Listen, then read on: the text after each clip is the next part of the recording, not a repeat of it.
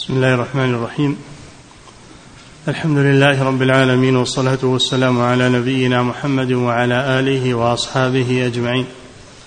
أما بعد قال المؤلف رحمه الله تعالى الباب الثالث في انقسام أدوية أمراض القلب إلى قسمين طبيعية وشرعية. بسم الله الرحمن الرحيم. الحمد لله والصلاة والسلام على رسول الله. لما سبق أن الشيخ رحمه الله الإمام ابن القيم ذكر أن القلوب تنقسم إلى ثلاثة أقسام حسب ما ورد في الأحاديث. قلب حي مستنير وهو قلب المؤمن. وقلب ميت وهو قلب الكافر وقلب مريض بين بين وهو قلب المنافق أو المؤمن ضعيف الإيمان.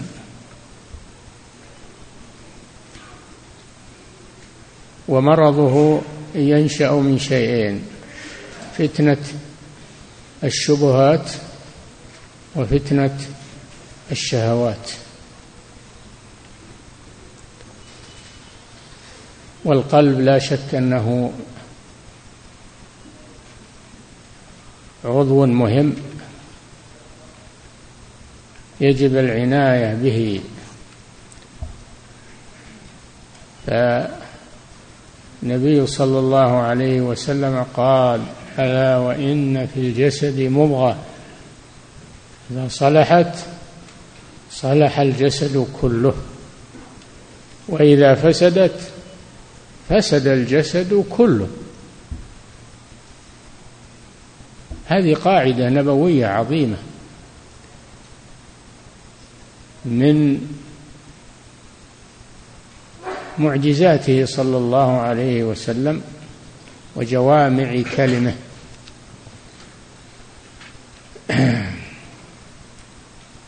فيجب على المسلم أن يهتم بقلبه يهتم بقلبه أكثر مما يهتم بجسمه. فإن الإنسان إذا أصيب جسمه بمؤثر بمرض يذهب إلى المستشفيات والمستوصفات ويراجع الأطباء قد يسافر إلى الخارج وقد ولكن مرض القلب قل من يعالجه ويهتم به. وعلاجه بأمرين الأمر الأول الدعاء. قال صل كان صلى الله عليه وسلم يكثر أن يقول يا مقلب القلوب والأبصار ثبت قلبي على دينك. فتقول له عائشة في ذلك هل تخشى يا رسول الله؟ فيقول وما يؤمنني يا عائشة والقلوب بين أصبعين من أصابع الرحمن. إذا أراد أن يقلب أو يقلب قلب عبد قلبه. يقول ابن القيم رحمه الله لما ذكر أهل الفتن وأهل الانحرافات قال لو لو شاء ربك كنت أيضا مثلهم. فالقلب بين أصابع الرحمن. تذكر هذا. تكثر من الدعاء الذي كان الرسول صلى الله عليه وسلم يدعو به لقلبه لتثبيته على الدين. ولا يأمن الإنسان على قلبه من الفتن فيتجنب مواطن الفتن ويتجنب الاستماع للفتن التي تذاع وتنشر. واليوم كثرت وكثرت وسائلها يتجنبها محافظة على قلبه. حافظ على قلبه أن يزيغ. فلما زاغوا أزاغ الله قلوبهم. والله لا يهدي القوم الفاسقين. هم أهملوا قلوبهم اليهود أهملوا قلوبهم تلقوا الشبهات فأزاغ الله قلوبهم. لما زاغوا أزاغ الله قلوبهم. ولهذا الراسخون في العلم يقولون ربنا لا تزغ قلوبنا بعد إذ هديتنا. وهب لنا من لدنك رحمة إنك أنت الوهاب. ربنا لا تزغ قلوبنا بعد إذ هديتنا. يزيغ الإنسان بعد الهداية بعد الإيمان ينحرف بسبب ما يتلقى من الشبهات وبسبب ما يتعرض له من الشهوات. فيزيغ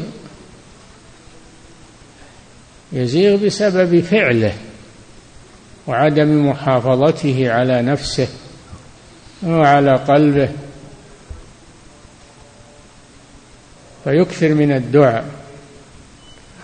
والأمر الثاني مما يعالج به قلبه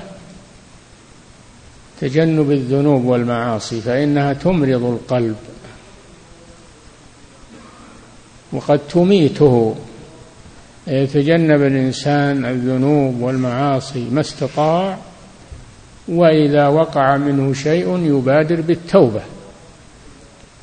بادر بالتوبة وباب التوبة مفتوح العلاج عندك ميسور. ما يحتاج تروح الصيدليات ولا تروح مفتوح لك. تتوب إلى الله وتستغفر والله جل وعلا يشفي قلبك. مما أصابه يتجنب الإنسان المعاصي ويحرص على ذلك وإذا وقع في شيء منها فإن باب التوبة مفتوح الليل والنهار. أي ساعة تستغفر الله يسمعك ويستجيب لك. ولا تهمل قلبك تتراكم عليه الذنوب والمعاصي ثم يعمى ثم ثم أو يمرض ويموت. اعتني بقلبك دائما وأبدا. الله جل وعلا إنما ينظر إلى قلوبكم وأعمالكم كما في الحديث. لا ينظر إلى صوركم وأموالكم وإنما ينظر إلى قلوبكم وأعمالكم. اعمال القلوب إذا كانت صالحة صارت الأعمال صالحة. وإذا كانت القلوب فاسدة فسدت الأعمال. فعلى الإنسان أن يعتني بقلبه دائما وأبدا. نعم. الباب الثالث في انقسام أدوية أمراض القلب إلى قسمين طبيعية وشرعية. نعم. مرض القلب نوعان.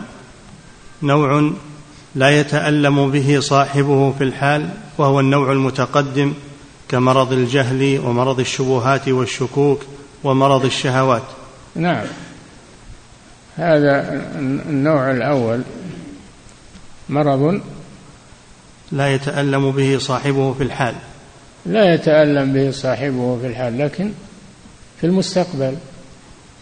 في المستقبل يتأثر القلب ويتأثر ويتأثر حتى يفقد الحساسية ويصير ميت لا يشعر بشيء ولا يكره ولا يبغض ولا يحب ولا شيء.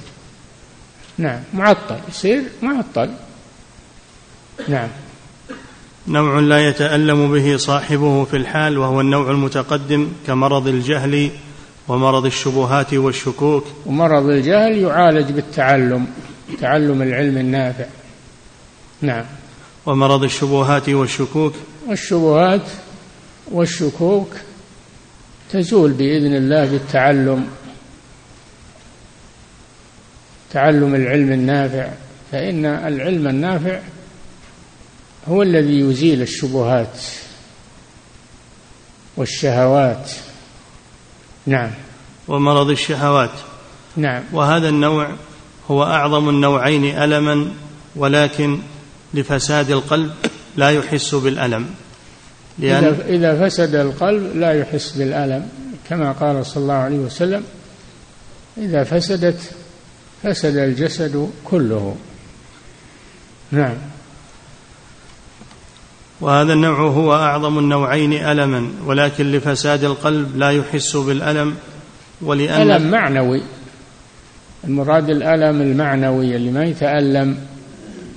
ويخشى ويخاف. هو هو الذي مرض قلبه. نعم. أما المرض الحسي هذا يعالج عند الأطباء. نعم. ولكن لفساد القلب لا يحس بالألم ولأن سكرة الجهل والهوى تحول بينه وبين إدراك الألم. الجهل يكون الإنسان جاهل ما يميز. بين الطيب والخبيث بين الصالح والطالح. هذا مرض. مثل المريض اللي ما يميز بين الطعام الطيب والطعام غير الطيب. مريض. هذا مثله. نعم. ولأن سكرة الجهل والهوى تحول بينه وبين إدراك الألم وإلا فألمه حاضر فيه. حاصل نعم سكرة الجهل وسكرة الهوى. الهوى هو المصيبة الهوى. كون الإنسان يتابع ما يهوى ويحب ولو كان فيه سخط الله. هذا مرض عضال مرض خطير.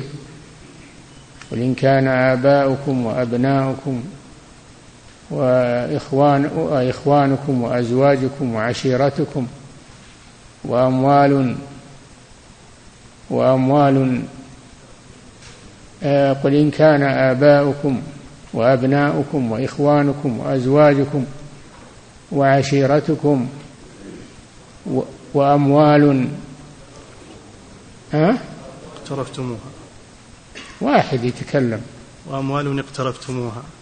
نعم وأموال اقترفتموها وتجارة تخشون كسادها ومساكن ترضونها أحب إليكم من الله ورسوله وجهاد في سبيله فتربصوا فإذا أحب الإنسان هذه الأشياء قدمها على محبة الله قدم ما تحبه نفسه وقلبه على ما يحبه الله فهذا على خطر عظيم. تربصوا يعني انتظروا ما يحل بكم من العقوبة.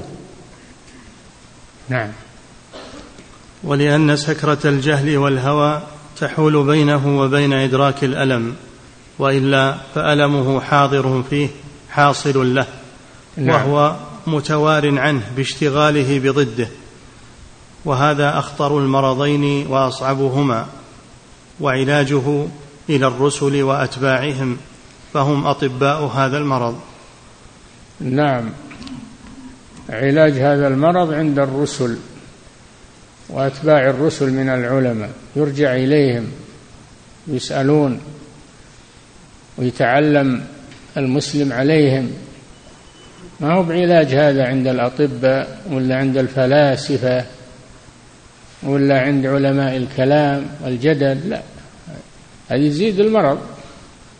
ما له علاج إلا عند الرسل وأتباع الرسل. نعم. والنوع الثاني مرض مؤلم له في الحال كالهم والغم والحزن والغيظ. نعم هذه نتيجة للمرض الهم والغم والحزن والغيظ. هذه نتيجة للنوع الأول. فتجد المستقيم على طاعة الله تجده مطمئنا مرتاحا.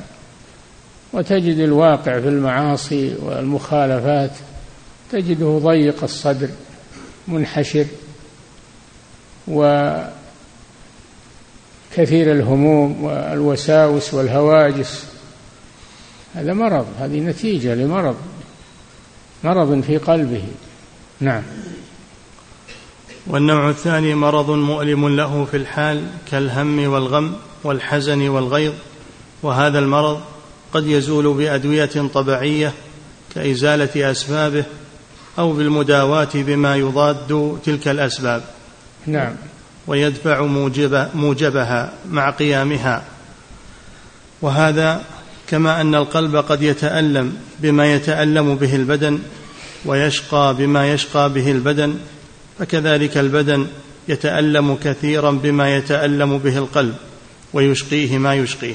نعم لأن لأن الجسم هيكل واحد. إذا اشتكى منه عضو تداعى له سائر الجسد بالسهر والحمى. فإذا كان فيها أوجاع فإن قلبه يتألم بها. وإذا كان في قلبه ألم فإن جسمه يتألم. تبع لأن الجسم شيء واحد بأعضائه. نعم. فأمراض القلب. التي تزول بالأدوية الطبيعية من جنس أمراض البدن وهذه لا توجب وحدها شقاءه وعذابه بعد الموت. وأما يعني كونه يمرض مرض حسي يحتاج إلى علاج طبي هذا إنما أثره في الدنيا وألمه في الدنيا. أما في الآخرة فإنه ينقطع هذا الألم. بنهاية حياته. نعم. وأما أمراضه التي لا تزول إلا بالأدوية الإيمانية النبوية فهي التي توجب له الشقاء والعذاب الدائم إن لم يتداركها بأدويتها المضادة لها. والمضادة لا هي ما جاءت به الرسل وأتباع الرسل. ما هي بالصيدليات ولا عند؟ لا. بالوحي. علاجها بالوحي المنزل على النبي المرسل. هذا علاج القلوب المريضة. نعم. فإذا استعمل تلك الأدوية حصل له الشفاء ولهذا يقال شفى غيظه. نعم. فإذا استعمل تلك الأدوية حصل له الشفاء ولهذا يقال شفى غيظه فإذا استولى يعني شفى غيظه. هذه عبارة يقولونها فلان شفى غيظه. شفى بأي شيء؟ استعمل ما يضادها. فزالت. فزال الغيظ. هكذا. نعم. ولهذا يقال شفى غيظه فإذا استولى عليه عدوه آلمه ذلك. فإذا انتصف منه اشتفى قلبه. أي نعم. إذا ظلمه أحد و وانتصف منه وأخذ مظلمته منه شفي قلبه من الألم و والتحسر. نعم. فإذا استولى عليه عدوه آلمه ذلك فإذا انتصف منه اشتفى قلبه. قال تعالى قاتلوهم يعذبهم الله بأيديكم ويخزهم وينصركم عليهم ويشفي صدور قوم مؤمنين ويذهب غيظ قلوبهم ويتوب الله على من يشاء. فأمرهم نعم ذكر الله في هذه الآية فوائد الجهاد في سبيل الله. قاتلوهم يعني الكفار. يعذبهم الله بأيديكم. هذه واحدة. قاتلوهم يعذبهم الله بأيديكم و يخزيهم. ويخزهم وينصركم عليهم. ويشفي صدور قوم مؤمنين ويذهب غيظ قلوبهم. كل هذه فوائد الجهاد في سبيل الله. ويذهب غيظ قلوبهم. قاتلوهم يعذبهم الله بأيديكم. هذه واحدة. ويخزهم هذه الثانية. وينصركم عليهم هذه الثالثة. ويذهب غيظ آه، قاتلوهم يعذبهم الله بأيديكم. ويخزهم. وينصركم عليهم ويشفي صدور قوم مؤمنين ويذهب غيظ قلوبهم. والأخيرة وهي المهمة ويتوب الله على من يشاء من الكفار. الكفار إذا جوهدوا تاب الله عليهم إذا أسلموا. ولهذا في الحديث عجب ربك من قوم يقادون إلى الجنة بالسلاسل.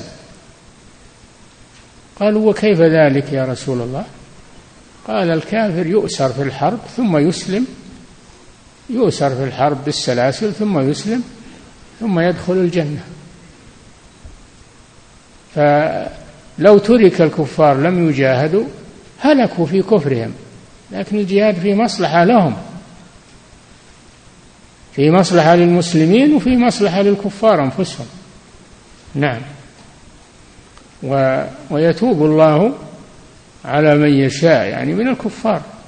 كم تاب من الكفار وأسلم؟ نعم. فأمرهم بقتال عدوهم وأعلمهم أن فيه ست فوائد. ست انتبهوا لها. نعم. فالغيظ يؤلم القلب ودواؤه في شفاء غيظه. نعم. فإن شفاه بحق اشتفى وإن شفاه بظلم وباطل زاده مرضا من حيث ظن أنه يشفيه. وهو كمن شفى مرض العشق بالفجور بالمعشوق. نعم. فإن ذلك يزيد مرضه ويوجب له أمراضا أخر أصعب من مرض العشق كما سيأتي إن شاء الله تعالى. نعم. وكذلك الغم والهم والحزن أمراض للقلب وشفاؤها بأضدادها من الفرح والسرور. فإن كان ذلك بحق اشتفى القلب وصح وبرئ من مرضه وإن كان بباطل توارى ذلك واستتر ولم يزل وأعقبه امراضا هي أصعب وأخطر. وكذلك الجهل. هذه الآية قاتلوهم يعذبهم الله بأيديكم. فيها بيان الحكمة من تشريع الجهاد في سبيل الله وأنه ليس المراد به قتل النفوس وسفك الدماء والاستيلاء على البلاد وأخذ الأموال هذه توابع ليست هي المقصوده توابع ذي توابع للجهاد. إنما المقصود تخليص من يريد الله نجاته من الكفار تخليصه من الكفر والشرك تخليصه من الجبابرة الذين يصدونه عن سبيل الله. ويمنعونه من الدخول في الإسلام. هذا هو المقصود من الجهاد. نعم. وكذلك قاتلوا أئمة الكفر أئمة الكفر لأنهم يصدون عن سبيل الله. نعم. وكذلك الغم والهم والحزن أمراض للقلب وشفاؤها بأضدادها من الفرح والسرور فإن كان ذلك بحق اشتفى القلب وصح وبرئ من مرضه. ولا حصل الفرح والسرور إلا بذكر الله. الذين آمنوا تطمئن قلوبهم بذكر الله ألا بذكر الله تطمئن القلوب. الذين آمنوا وعملوا الصالحات طوبى لهم وحسن مآب. نعم. فإن كان ذلك بحق اشتفى القلب وصح وبرئ من مرضه. وإن كان بباطل توارى ذلك واستتر ولم يزل نعم بعض الناس إذا صار عنده هم راح للملاهي والمزامير يبي يروح عن نفسه يقول وهذا يزيده والعياذ بالله. يزيده هم وغم. أما لو راح للقرآن وسمع القرآن والذكر لزال عنه ما يجد بإذن الله. بعض الناس إذا اشتد به الهم يقتل نفسه ينتحر والعياذ بالله. ينتحر يحسب إن هذا بخلصه وهذا يزيده لأن إذا انتحر صار إلى النار والعياذ بالله. وين تخلص؟ ما تخلص. فلا علاج إلا بالصبر وذكر الله والاستماع للقرآن والسنة. هذا العلاج. العلاج معك بين بين يديك. لكن بعض الناس أو كثير من الناس يحرم من هذا العلاج. ويروح لأضداده يروح للأغاني للمزامير للمسارح. يظن أن هذا أنه يرفع عن نفسه وأنه هذا يزيده بلاء يزيده انتكاس. نعم. فإن كان ذلك بحق اشتفى القلب وصح وبرئ من مرضه وإن كان بباطل توارى ذلك واستتر ولم يزل. وأعقب نعم تواريها الملاهي والمعازف والمزامير. دام جالس عندها ينساها ينسى المعازف. لكن إذا منه انتهى المجلس عادت إليه هذه الهموم والوساوس والأحزان. ما ينفع ذا. توارى بس وقت أو أنه إذا اشتد به الكرب ويشرب المسكرات والمخدرات يبي يتروع عنه هذا الهم. هذا يزيد بلاء وصحيح يسكن عنه في بعض الوقت لكن آثاره فيما بعد يزيد عليه هذا البلاء. نعم. وإن كان بباطل توارى ذلك واستتر ولم يزل وأعقبه أمراضا هي أصعب وأخطر. نعم. شوف شوف أصحاب المخدرات والعياذ بالله. ماذا يحصل لهم؟ من من ضياع الأخلاق وضياع الصحة حتى يصبح الإنسان كأنه كأنه ثوب خلق ملقى على الأرض ويصير عالة على أهله حتى يموت. هذه المخدرات. وهو أخذها يبي يرفه عن نفسه يبي يروح الهموم اللي عنده. تنبه المسلم لهذا. نعم. وكذلك الجهل مرض يؤلم القلب. ما في شك الجهل الجهل الذي هو ضد العلم جهل ضد العلم الشرعي هذا يمرض القلب. ما يشفي القلب إلا العلم العلم الشرعي هو اللي يشفي القلب مما فيه. نعم. وكذلك الجهل مرض يؤلم القلب فمن الناس من يداويه بعلوم لا تنفع. آه. يداويه بعلوم غير القرآن علم الفلسفة علم السحر علم العلوم المحرمة هذه تزيد بلاء تزيد مرض. نعم. فمن الناس من يداويه بعلوم لا تنفع ويعتقد أنه قد صح من مرضه بتلك العلوم. وهي في الحقيقة إنما تزيده مرضا إلى مرضه. ما في شك. نعم. وهي في الحقيقة إنما تزيده مرضا إلى مرضه لكن اشتغل القلب بها عن إدراك الألم الكامن فيه بسبب جهله بالعلوم النافعة التي هي شرط في صحته وبرئه. نعم. قال النبي صلى الله عليه وسلم في الذين أفتوا بالجهل فهلك المستفتي بفتواهم قتلوه قتلهم الله. ألا سألوا إذ لم يعلموا؟ فإنما شفاء العي السؤال. في قصة في قصة صاحب الشجة الذي كان مع الصحابة في بعض الغزوات فأصابه حجر على رأسه صار فيه شجة. ولما نام بالليل احتلم صار عليه غسل. فاستصعب إنه يغسل رأسه لأنه يدخل الماء في الشجة ويصير خطر. سأل الصحابة الذين معه ماذا يعمل؟ قالوا لابد من غسل رأسك لابد تغسل. أخ... لابد أنك تغسل رأسك. فغسل رأسه ودخل الماء في الشجة ومات الرجل. سبب الفتوى هذه. وما أكثر الفتاوى التي تهلك الناس اليوم فلما قدموا على رسول الله صلى الله عليه وسلم وذكروا ذلك له غضب صلى الله عليه وسلم من هذه الفتوى. وقال قتلوه يعني قتلوه بالفتوى. قتلهم الله هذا دعاء من الرسول صلى الله عليه وسلم. ألا سألوا إذا لم يعلموا؟ فإنما شفاء العي السؤال. هذا محل الشاهد شفاء. العي وهو الجهل بسؤال أهل العلم فاسألوا أهل الذكر إن كنتم لا تعلمون. بهذا يزول مرض الجهل بسؤال أهل العلم لا بسؤال المتعالمين والجهال والذين ليس عندهم علم. والواجب على من يخاف الله أن يتوقف عن الفتوى إلا عند الضرورة وبشرط أن يكون عنده علم. عند الضرورة وبشرط أن يكون عنده علم في جواب هذه المسألة ولا يسكت. ما يزيد البلاء بلاء والجهل جهل.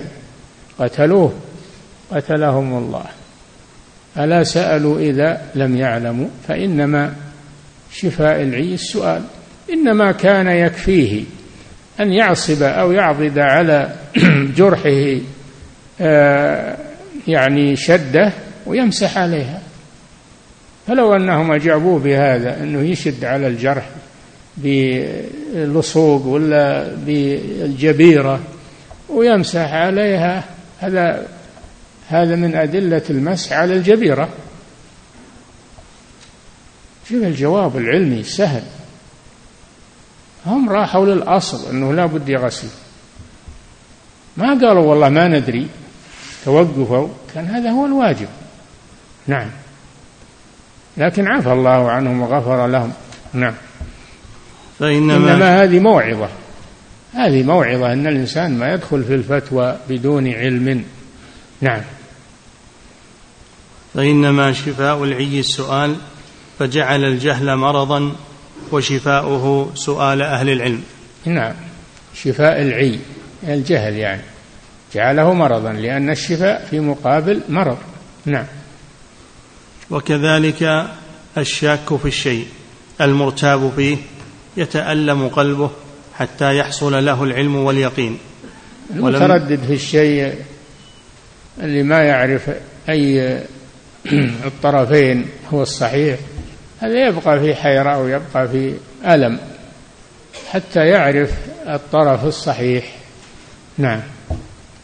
وكذلك الشاك في الشيء المرتاب فيه يتألم قلبه حتى يحصل له العلم واليقين ولما كان ذلك يوجب له حرارة قيل لمن حصل له اليقين ثلج صدره. أي نعم هذا الجواب يثلج الصدر يثلج الصدور لأنه بارد على على القلب. إذا كان الجواب علميا صحيحا. نعم. قيل لمن حصل له اليقين ثلج صدره وحصل له برد اليقين. نعم. وكذلك يضيق بالجهل والضلال عن طريق رشده. يضيق, يضيق الإنسان يضيق بسبب الجهل والضلال عن الطريق الصحيح ويصبح هائما. وهيامه هذا يضيق صدره ويخيفه ويخاف من الهلاك ومن السباع. نعم. وكذلك يضيق بالجهل والضلال عن طريق رشده وينشرح بالهدى والعلم. قال تعالى فمن يرد الله أن يهديه يشرح صدره للإسلام ومن يرد أن يضله يجعل صدره ضيقا حرجا كأنما يصعد في السماء. نعم. هذه الآية من سورة الأنعام. فمن يرد الله أن يهديه يشرح صدره يوسع صدره للإسلام يتقبل يتقبل العلم ويتقبل الدعوة إلى الله يتقبل الذكر يشرح صدره للإسلام يوسع لقبول الحق. ومن يرد أن يضله يريد الله هذا إرادة كونية. هذه إرادة كونية ومن يرد أن يضله يجعل صدره ضيقا حرجا وفي قراءة حرجا. من قبض؟ ما يسمع للعلم ولا يتسع لسماع الذكر ولا يستمع لسماع القرآن. يجعل صدره ضيقا حرجا كأنما يصعد في السماء. قالوا الله أعلم معناها أن اللي يصعد في الجو أنه يضيق صدره لأن الهواء يصير عنده ما هو مريح أو ما أدري الأكسجين يعرفونها اللي يطيرون في الهواء في الجو. فشبه الله جل وعلا الذي يضيق صدره بالهدى والنور بالذي يصعد في السماء. يضيق صدره. ونفسه ينخنق حتى يكون عنده إسعافات أو أشياء تخفف عنه هذا الشيء. وقيل إن الآية بمعنى أن هذا مستحيل كاستحالة أن الإنسان يطير في السماء. هذا من باب ضرب المستحيل.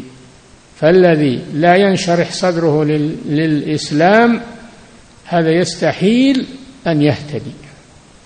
وهذا هو الأقرب والله أعلم. مستحيل هذا من باب ضرب المستحيل.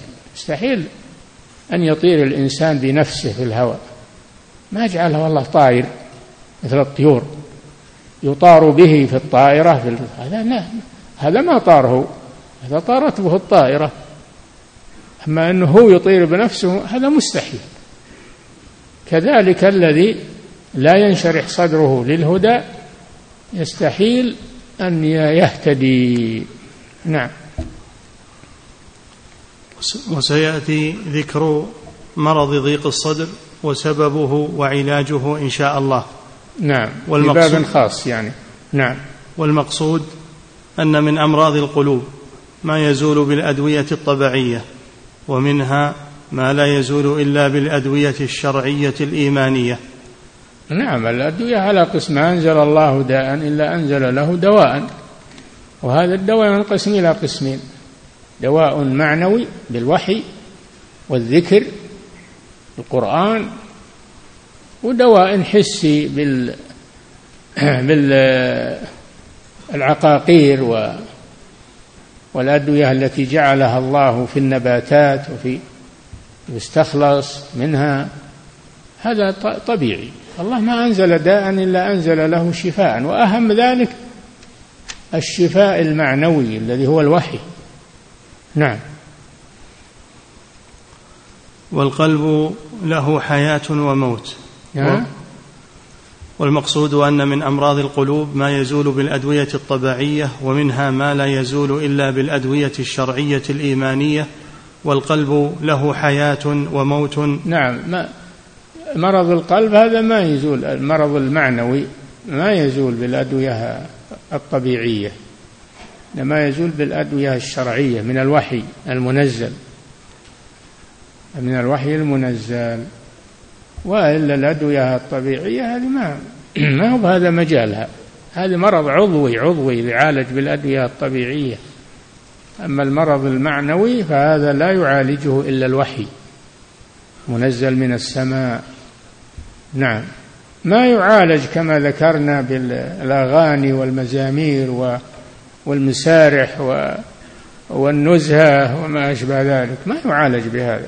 نعم. أو بالمخدرات أو بالمسكرات. نعم. أو حتى بالانتحار. ما يعالج بهذه الأمور. نعم. والقلب له حياة وموت ومرض وشفاء. يعرض للقلب مثل ما يعرض للبدن. يعرض للقلب حياة وموت ومرض وشفاء مثل ما يعرض للبدن. نعم. والقلب له حياة وموت ومرض وشفاء وذلك أعظم ما بالبدن. نعم. الباب الرابع. يعني مرض القلب هو أعظم مرض في البدن أعظم من مرض أعظم من مرض الحسي الذي يكون في الأعضاء. نعم. الباب الرابع. بأن حياة القلب وإشراقه مادة كل خير فيه وموته وظلمته مادة كل كل شر فيه. يكفي نقف عند هذا.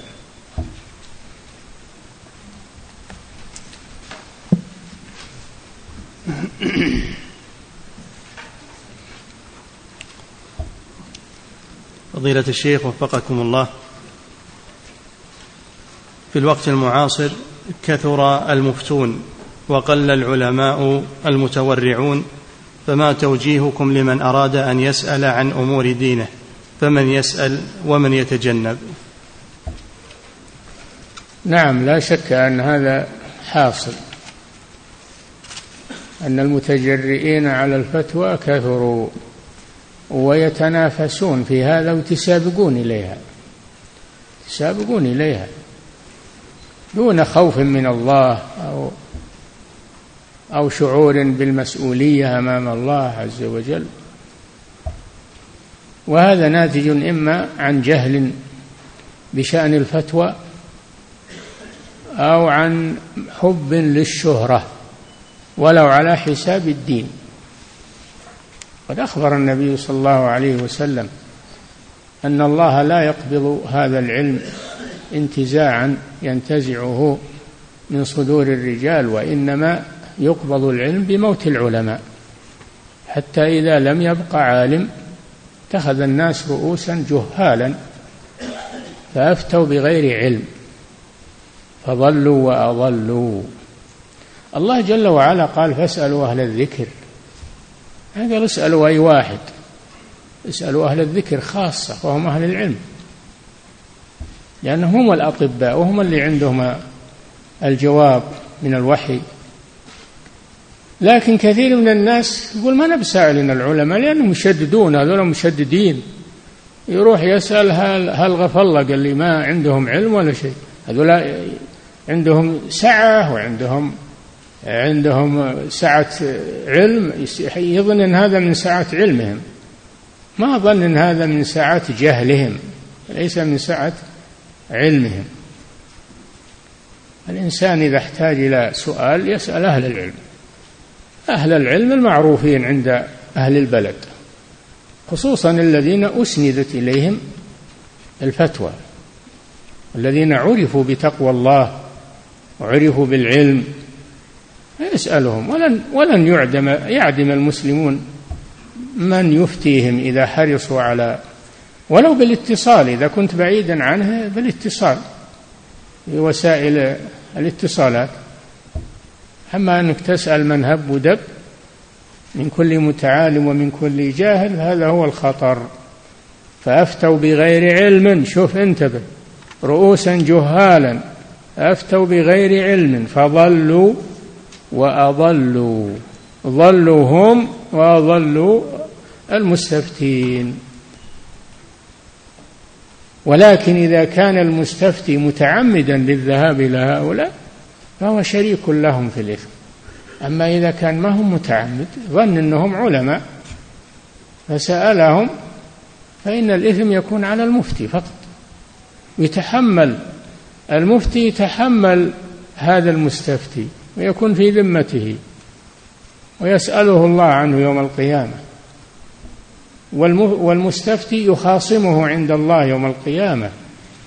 الواجب على المسلم أنه يتقي الله ولا يسأل إلا أهل العلم. ما يسأل اللي يوافق هواه بس. يقول هذولا عندهم سعة وذولا عندهم تضييق وعندهم تشدد وعندهم وعندهم نعم. فضيلة الشيخ وفقكم الله.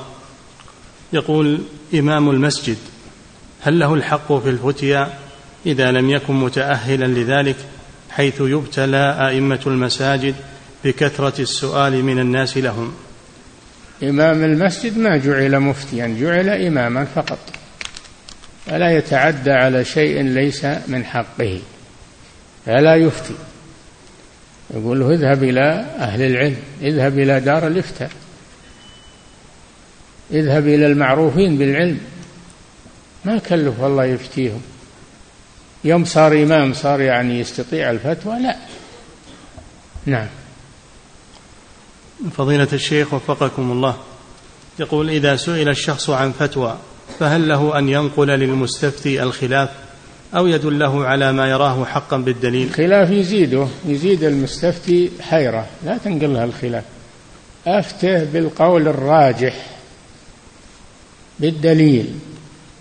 إن كنت لا تعرف هذا قل له والله ما أعرف اسأل غيري. أما إذا كنت تعرف القول الراجح بالدليل فأفته به. نعم. فضيلة الشيخ وفقكم الله يقول ما توجيهكم لمن يعتقد أنه إذا سئل وإذا استفتي فلم يجب ولم يقل لا أدري أن هذا يعد نقصا فيه لا ما هو نقص هذا كمال. هذا كمال فيه. يعني هذا يدل على ورعه وعلى تحريه وعلى هذا كمال ما هو بنقص. النقص في الذي يجيب عن كل سؤال هذا هو النقص. أما اللي يتحرز ويتحفظ فهذا كمال. احتاط لدينه واحتاط للسائل أيضا ما أوقعه. فهذا هو الناصح لنفسه والناصح لمن سأله. نعم. فضيلة الشيخ وفقكم الله. يقول إذا كان طالب العلم يقترف بعض المعاصي. والذي ما عنده جواب يقول ما أدري. ولا يتحرج من قولة لا أدري. قولة لا أدري أخف من إفتائه بغير علم. لا أدري تسلم بها. ولهذا يقول العلماء من أخطأ لا أدري أصيبت مقاتله. أصيبت مقاتله. عندك لا أدري إذا كنت ما تدري قل ما أدري. الله أعلم. نعم. فضيلة الشيخ وفقكم الله يقول إذا كان طالب العلم يقترف بعض المعاصي فهل هذا يعد من النفاق وأن العلم يكون حجة عليه؟ إذا كان يخالف ما عنده من العلم فهذا حجة علمه حجة عليه عند الله سبحانه وتعالى. حجة عليه وقد يكون من النفاق وقد يكون من المعصية يكون عاصي. نعم. فضيلة الشيخ وفقكم الله بقوله سبحانه وأضله الله على علم من هو الذي يضله الله على علم؟ الذي عنده علم ولا يتبعه ولا يعمل به مثل اليهود. رأيت من اتخذ إلهه؟ شوف اقرأ الآية. اتخذ إلهه هواه. يعني ما ما أخذ العلم إنما أخذ هواه فقط. فما وافق هواه أخذ به وما خالف هواه تركه. ولو كان حقا. هذا أضله الله على علم ما على جهل على علم. هذا أشد من الجاهل لأنه يعرف وليس من يعلم كمن لا يعلم. نعم. فضيلة الشيخ وفقكم الله يقول كيف يعالج ويحصن الإنسان نفسه وقلبه من وساوس الشيطان؟ بذكر الله عز وجل. والاستعاذة من الشيطان وإما ينزغنك من الشيطان نزغ فاستعذ بالله إنه هو السميع العليم. استعاذة من الشيطان والإكثار من ذكر الله هذا يطرد الشيطان ويطمئن القلب. نعم. فضيلة الشيخ وفقكم الله يقول ما نصيحتكم لمن ابتلي بمرض النظر إلى المحرمات كالنساء أو النظر إلى المردان؟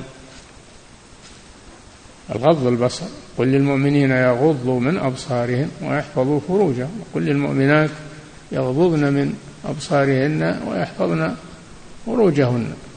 فيغض من بصره عن الحرام. وإلا فإن نظره سهم مسموم كما قال النبي صلى الله عليه وسلم. النظر سهم مسموم من سهام إبليس. وين يروح السهم هذا؟ يرجع إلى قلبه يطعن في قلبه. وهو يطعن نفسه بهذا السهم المسموم. إذا نظر بشهوة فإنه يطعن قلبه بذلك. كم نظرة فعلت بقلب صاحبها فعل السهام بلا قوس ولا وتر. فعل المسلم إذا صار أمام الشيء حرام يكف بصره يعني يغض بصره. أول شيء لا يذهب إلى المواطن التي فيها لا يذهب إلى المواطن التي فيها مرائي سيئة مواطن الفتن يبتعد عنها. لكن لو قدر أنه عرض له شيء من الفتن يغض بصره علاجه معه. هو صعب عليه. يغض بصره ويصد الحمد لله. ذلك أزكى لهم. فإذا غض بصره زكى الله قلبه ونور قلبه. هذا نور من الله عز وجل. نعم. فضيلة الشيخ وفقكم الله يقول هل الاستعاذة بالله من الشيطان الرجيم هي كافية في علاج القلب؟ وهل لها فوائد غير ذلك؟ نعم إذا, إذا استعاذ بالله من الشيطان الرجيم بحضور قلب بحضور قلب ونية فإنها تبعد عنه الشيطان. هو استعاذ بالله الله يعيذه يعيذ من استعاذ به سبحانه وتعالى لكن يحتاج إلى نية وحضور قلب ما هو باللسان فقط. نعم. فضيلة الشيخ وفقكم الله هل هذه العبارة صحيحة وهي من قال الله أعلم فقد أفتى؟ لا ما, ما أفتى هذا ما أفتى توقف عن الفتوى قال الله أعلم يعني ليس عندي علم. نعم. فضيلة الشيخ وفقكم الله يقول هل المستفتي إذا سأل أحد كبار العلماء الموثوقين فأفتاه في مسألة هل تبرأ ذمته؟ أم عليه أن يسأل غيره من كبار العلماء الآخرين حتى يتأكد من الفتوى؟ لا لا. كثرة السؤال ما تصلح. تحيرك تحيرك إذا سألت من تثق بعلمه ودينه فإنك تأخذ بفتواه. ولا تكثر الأسئلة في موضوع واحد. نعم.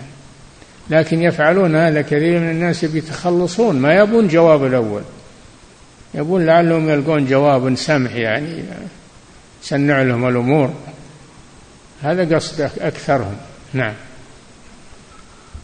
فضيلة الشيخ وفقكم الله هذا سائل من أمريكا يقول يقول في أمريكا عندنا شخص دائما ما يقول بأن العلماء في هذه البلاد لا يعرفون أحوال المسلمين في أمريكا فمن أجل ذلك لا نقبل فتواهم ويكرر هذا. ما نصيحتكم في ذلك وما توجيهكم؟ يعلمون العلم الذي أنزله الله ويفتون بالحلال والحرام والحلال والحرام في أمريكا وفي غيرها في كل الأرض. الحرام حرام في كل مكان والحلال حلال في كل مكان. والعالم يفتي أهل الدنيا بالعلم النافع وهذا تخذيل اللي يقول الكلام هذا تخذيل ويريد أن يفصلكم عن علمائكم. نعم فلا تقبلوا من هذا الكلام. نعم. فضيلة الشيخ وفقكم الله يقول حفظك الله أطلب النصيحة من فضيلتكم بالنسبة للتوبة من معاصي السر حيث إنني منذ ثلاث سنين أطلب. أطلب نصيحة فضيلتكم في موضوع التوبة من معاصي السر. عاصي؟ السر. يعني هو ساحر. لا السر. ها؟ معاصي السر الإصرار وليس العلن. سر. نعم. إيه. يقول فمنذ ثلاث سنين وأنا أعاني منها حتى كدت أن أيأس. فما هو الذي يقوي خشية الله في الغيب؟ إن الذين يخشون ربهم بالغيب لهم مغفرة أي في حال غيبتهم عن الناس. لهم مغفرة وأجر كبير. ثم قال وأسروا قولكم أو اجهروا به. إنه عليم بذات الصدور. فإذا تذكرت هذه الآية أنه عليم بما في صدرك فإنك تخافه تخافه في السر والعلانية. والنبي صلى الله عليه وسلم قال اتق الله حيثما كنت. والله جل وعلا قال في المنافقين يستخفون من الناس ولا يستخفون من الله وهو معهم إذ يبيتون ما لا يرضى من القول. كان الله بما يعملون محيطا. فالله معك في أي مكان. ما يكون من نجوى ثلاثة إلا ورابعهم ولا خمسة إلا هو سادسهم ولا أدنى من ذلك ولا أكثر إلا هو معهم. أينما كانوا. أينما كانوا. ثم ينبئهم بما عملوا يوم القيامة والله بكل شيء عليم. تذكر هذا أن الله معك رقيب عليك مطلع عليك في أي مكان. حينئذ تخاف من الله عز وجل ولا تبارزه في المعصية إذا كنت مختفيا عن الناس. أنت مختفي عن الناس لكن الله لا تختفي عنه أبدا مهما كنت. تستخفون من الناس؟ يمكن تستخفي من الناس لكن ما يمكن تستخفي من الله. ولا يستخفون من الله وهو معهم. نعم. فضيلة الشيخ وفقكم الله يقول هل يشترط للاستشفاء بالقرآن أن يكون القارئ عالما بالتفسير والمعنى؟ لا. إذا كان مجيدا للقراءة يقرأ الآية وبنية صالحة من الراقي والمرقي ويشفي يشفي الله جل وعلا بالرقية. نعم. ولو كان الراقي غير عالم. يشترط أن يكون صالحا في عقيدته ما يكون من المخرفين ولا من المشعوذين يكون عقيدته سليمة. ما يدخل في الرقية شيء شيئا ليس مشروعا. نعم. فضيلة الشيخ وفقكم الله يقول هل هناك فرق بين الشبهات والشكوك؟ نعم. هل هناك فرق بين الشبهات والشكوك؟ مشتبهات. الشكوك مشتبهات. كما قال صلى الله عليه وسلم إن الحلال بين وإن الحرام بين وبينهما أمور مشتبهات. ما هي بشبهات؟ مشتبهات. ما يدرى هل هي من الحلال ولا من الحرام. فالواجب عليك أن تتجنب المشتبهات حتى يتبين لك من أي النوعين هي أو تسأل عنها أهل العلم. نعم. فضيلة الشيخ وفقكم الله يقول هل الغم والهم والحزن هم هي بمعنى واحد؟ نعم. هل الغم والهم والحزن هي ألفاظ بمعنى واحد؟ متقاربة لكن الغم قد يكون الإنسان في مكان ضيق في مكان يعني مكان يخنق نفسه أو مثل ما حصل ليونس عليه السلام. نجيناه من الغم. كذلك ننجي, ننجي المؤمنين. غم في بطن الحوت. في بطن الحوت. مكان ضيق ضنك. ولا يجيه سفر ولا هوى ولا شيء. نادى ربه فالله أخرجه من الغم. نعم. فضيلة الشيخ وفقكم الله. يقول ما نصيحتكم ما نصيحتكم لمن يقول إن أهم شيء هو أن أصلي وأصوم وأعبد الله فلا أحتاج ولا أحتاج لتعلم العلم الشرعي.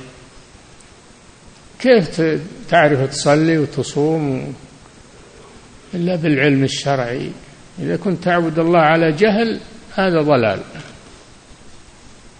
النصارى عندهم عبادة شديدة ورهبانية. في الصوامع والديرات ولكنهم على ضلال فلا ينفعهم ما تنفعهم عبادتهم ولا صلاتهم ولا دعاؤهم. لابد من العلم الشرعي لابد. نعم. فضيلة الشيخ وفقكم الله يقول السائل كيف نحصن قلوبنا من الفتن حيث إننا نعمل في بعض الأسواق نبيع بعض الأجهزة؟ ونتعامل مع النساء في البيع والشراء منهن السافرات ومنهن المحجبات. غضوا أبصاركم غضوا أبصاركم وابتعدوا عن الفتن مهما أمكنكم ذلك. ومن يتق الله يجعل له مخرجا ويرزقه من حيث لا يحتسب. نعم. فضيلة الشيخ وفقكم الله يقول هل يجوز الذهاب إلى الأطباء النفسانيين حيث إن المرض النفسي من أمراض القلب أليس شفاؤه هو في الأدوية الشرعية فقط. مرض القلب الذي هو مرض الشهوة أو الشبهة ما يعالجه الأطباء إنما يعالجه العلم الشرعي والوحي المنزل مرض القلب أما مرض القلب العضوي هذا يعالجه الأطباء النفسانيين أو الأطباء في العلاج الأدوية. نعم. فضيلة الشيخ وفقكم الله هل ما يجده هل ما يجده الإنسان من انشراح الصدر بالرحلات البرية يكون أيضا من الملهيات التي لا تشرح صدره لا. السفر الذي ليس فيه حرام ولا السفر إلى بلاد المشركين لأجل النزهة ولا ما في حرام. هذا طيب لا بأس. توسع على نفسك في النظر إلى الجبال النظر إلى الزهور النظر إلى المناظر الجميلة. هذا مباح. نعم.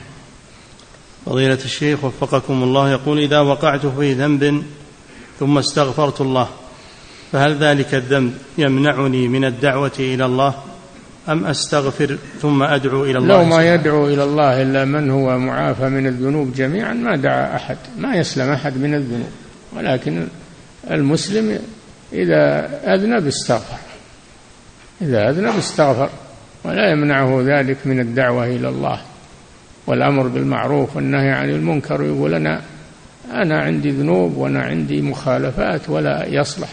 اترك الذنوب والمخالفات. اتركها. ما أجبرك أحد عليها. اتركها وتوب إلى الله. ولا تترك العمل الصالح والدعوة إلى الله والأمر بالمعروف والنهي عن المنكر. نعم. فضيلة الشيخ وفقكم الله يقول هل الهم والحزن من الأمور التي يكفر الله بها الخطايا؟ نعم ورد هذا في الحديث. ما يصيب المؤمن من هم ولا غم إلا كفر الله بذلك من ذنوبه أو ما أو كما جاء عن الرسول صلى الله عليه وسلم. نعم. فضيلة الشيخ وفقكم الله يقول الإنكار على مرضى القلوب من أهل البدع هل يعتبر مثل الجهاد في سبيل الله بالمال والنفس؟ جهاد بالدعوة نعم. الجهاد أنواع منه جهاد بالسلاح ومنه جهاد بالدعوة والأمر بالمعروف والنهي عن المنكر ومنه جهاد بالحجة على المنافقين جاهد الكفار والمنافقين الكفار بالسلاح والمنافقون يجادلون بالحجة. نعم. فضيلة الشيخ وفقكم الله يقول هل يجوز الاغتسال بماء زمزم المقروء فيه في داخل دورة المياه؟ لا بأس بذلك لا بأس بذلك. نعم. فضيلة الشيخ وفقكم الله يقول ما حكم تبديل السيارة بسيارة ويزيد أحد الطرفين الآخر مبلغا من المال؟ وهل يدخل ذلك في الربا؟ لا لا, لا بأس بهذا.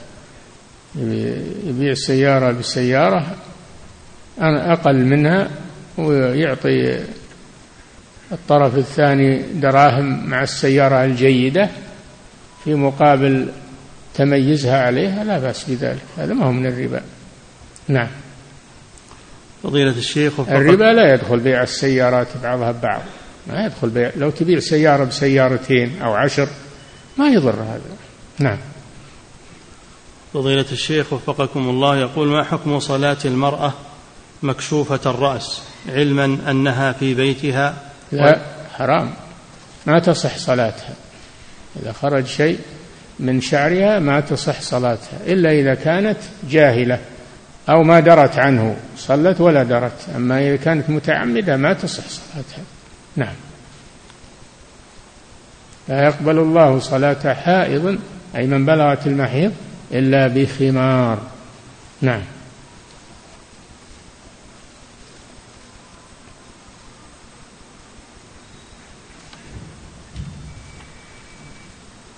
الله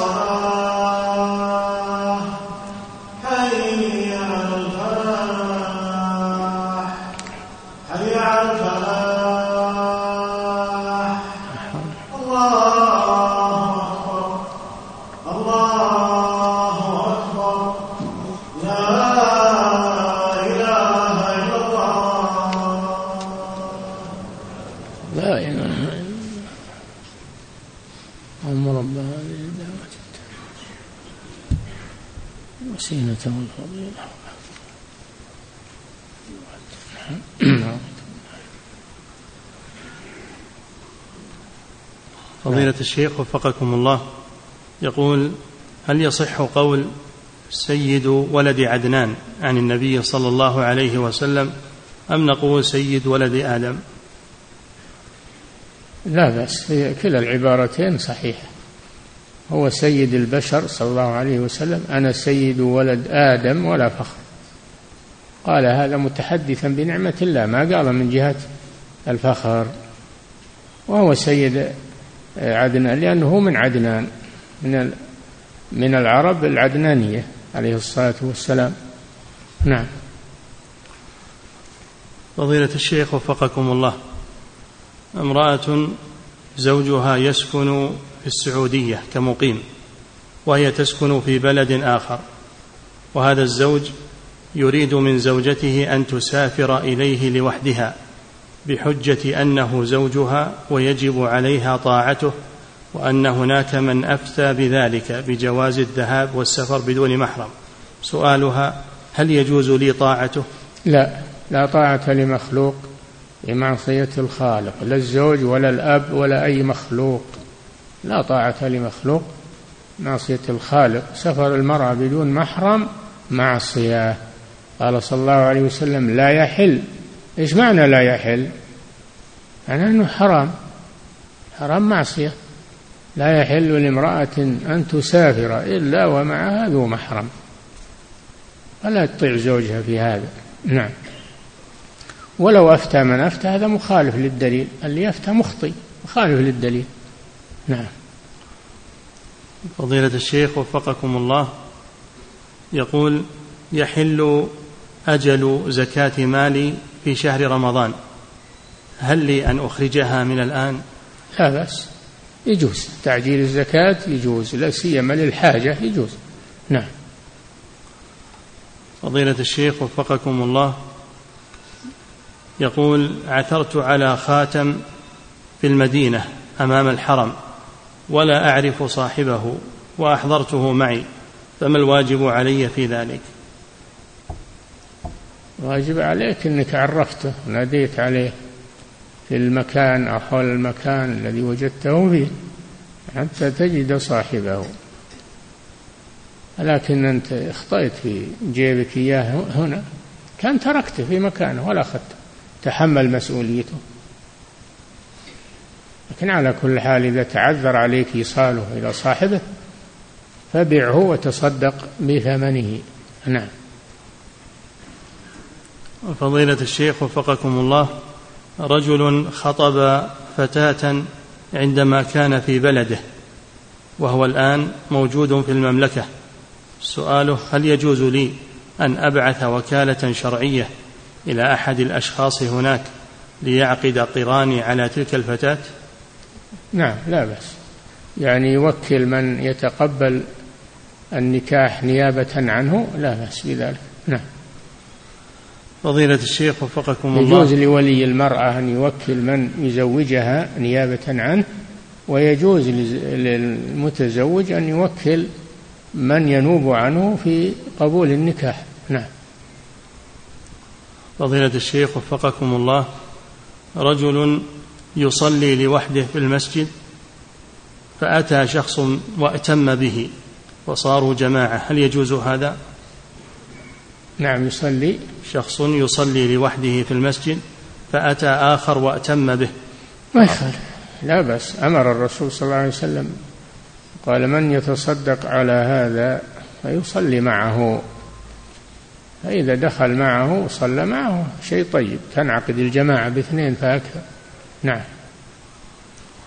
فضيلة الشيخ وفقكم الله يقول استدنت مالا من شخص مقيم.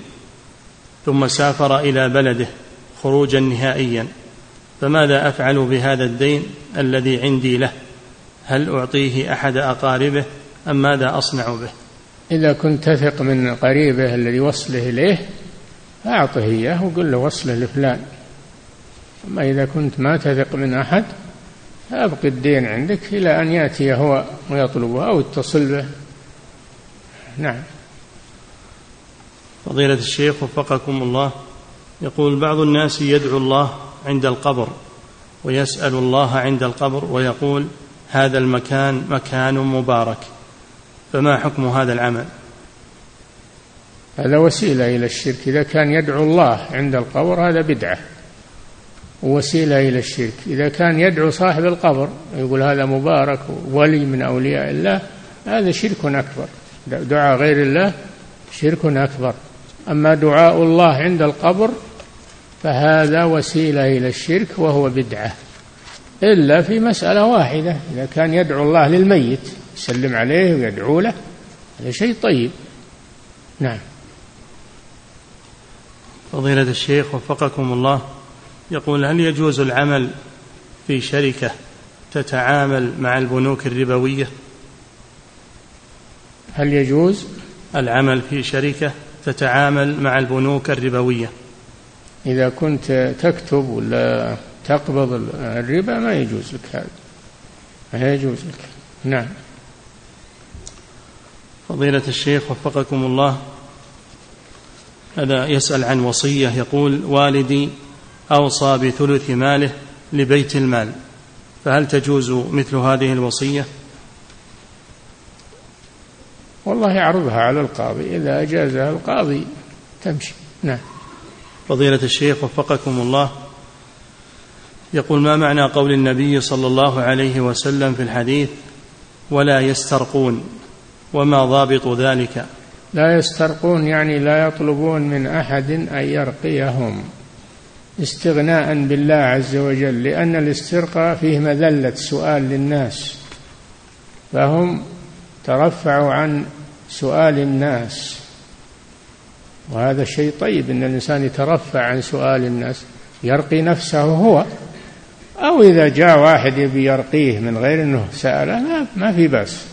لكن يطلب من واحد يرقيه هذا فيه حاجة للناس. نعم. هو جايز هو جايز لكنه مكروه لأن فيه حاجة للناس. نعم. فضيلة الشيخ وفقكم الله.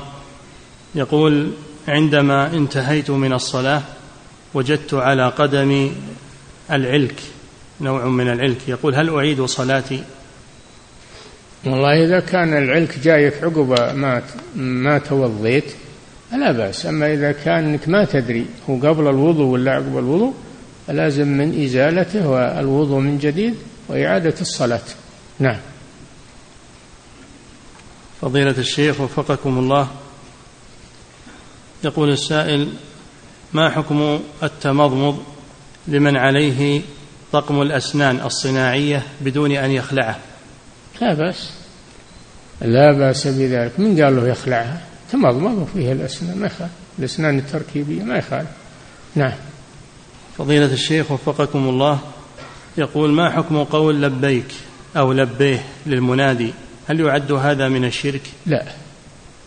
لبيه يعني إجابة إجابة للمنادي. والصحابة يقولون للرسول لبيك يا رسول الله ما في بس. نعم. فضيلة الشيخ وفقكم الله يقول كنت متوضئا ثم عملت تحليلا للدم وسحبا للدم فهل ينتقض الوضوء؟ إذا كان الدم كثير مو ينقض الوضوء أما إذا كان يسير ما يضر. نعم. ثم يقول حفظك الله وهل يؤثر هذا على الصيام؟ مثل ما قلنا إذا كان كثير يؤثر على الصيام وإذا كان قليل لأجل عينه للتحليل فقط ما يضر هذا. نعم. فضيلة الشيخ وفقكم الله يقول في قول الرسول صلى الله عليه وسلم من قال حين يسمع المؤذن اللهم رب هذه الدعوة التامة إلى آخره هل يقول هذا الدعاء فقط من ردد معه أم كل من سمع ذلك ولو لم يردد؟ نعم يقول من ردد معه هذا أفضل وإذا فاته الترديد مع المؤذن فيقول هذا الدعاء ليحصل على الأجر. نعم على قدر ما فعل. نعم. فضيلة الشيخ وفقكم الله يقول أنا من خارج هذه البلاد وعندنا في قريتنا كثير من الناس يتضايقون عندما يسمعون ذكر اسم الشيخ محمد بن عبد الوهاب رحمه الله. سؤاله هل أشرح لهم من كتب الشيخ رحمه الله دون أن أذكر اسمه؟ لا ما معناه أنهم بادين على عداوة الشيخ، لكن إذا بينت لهم الشيخ دعوته وهذا كلامه وهذا كتابه زال عنهم إن شاء الله، إن كانوا يريدون الحق والإنصاف يزول عنهم هذا. أما إن كانوا معاندين فلا فلا فائدة فيهم. فأنتم جزاكم الله خير وبينوا لهم. هم يمكن بالغهم عن الشيخ كلام ما هو بزين وربما أنتم بلغوهم واشرحوا لهم. إن قبلوا فالحمد لله وإن ما قبلوا فأنتم أديتم ما عليكم والحمد لله. نعم. فضيلة الشيخ وفقكم الله. يقول هل يجوز قول القائل لا سمح الله؟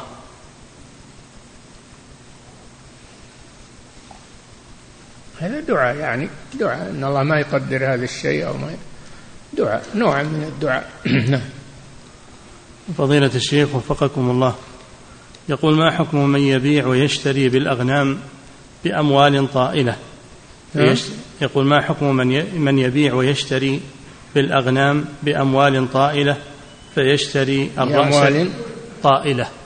طائلة؟ نعم. يعني كثيرة. نعم. إيه. يقول فيشتري الرأس الواحد بمال كثير بحجة أن هذا الرأس ذا أصل ذا أصل ونسب وشكل مميز. هل يعتبر من يقوم بهذا العمل من السفهاء في المال؟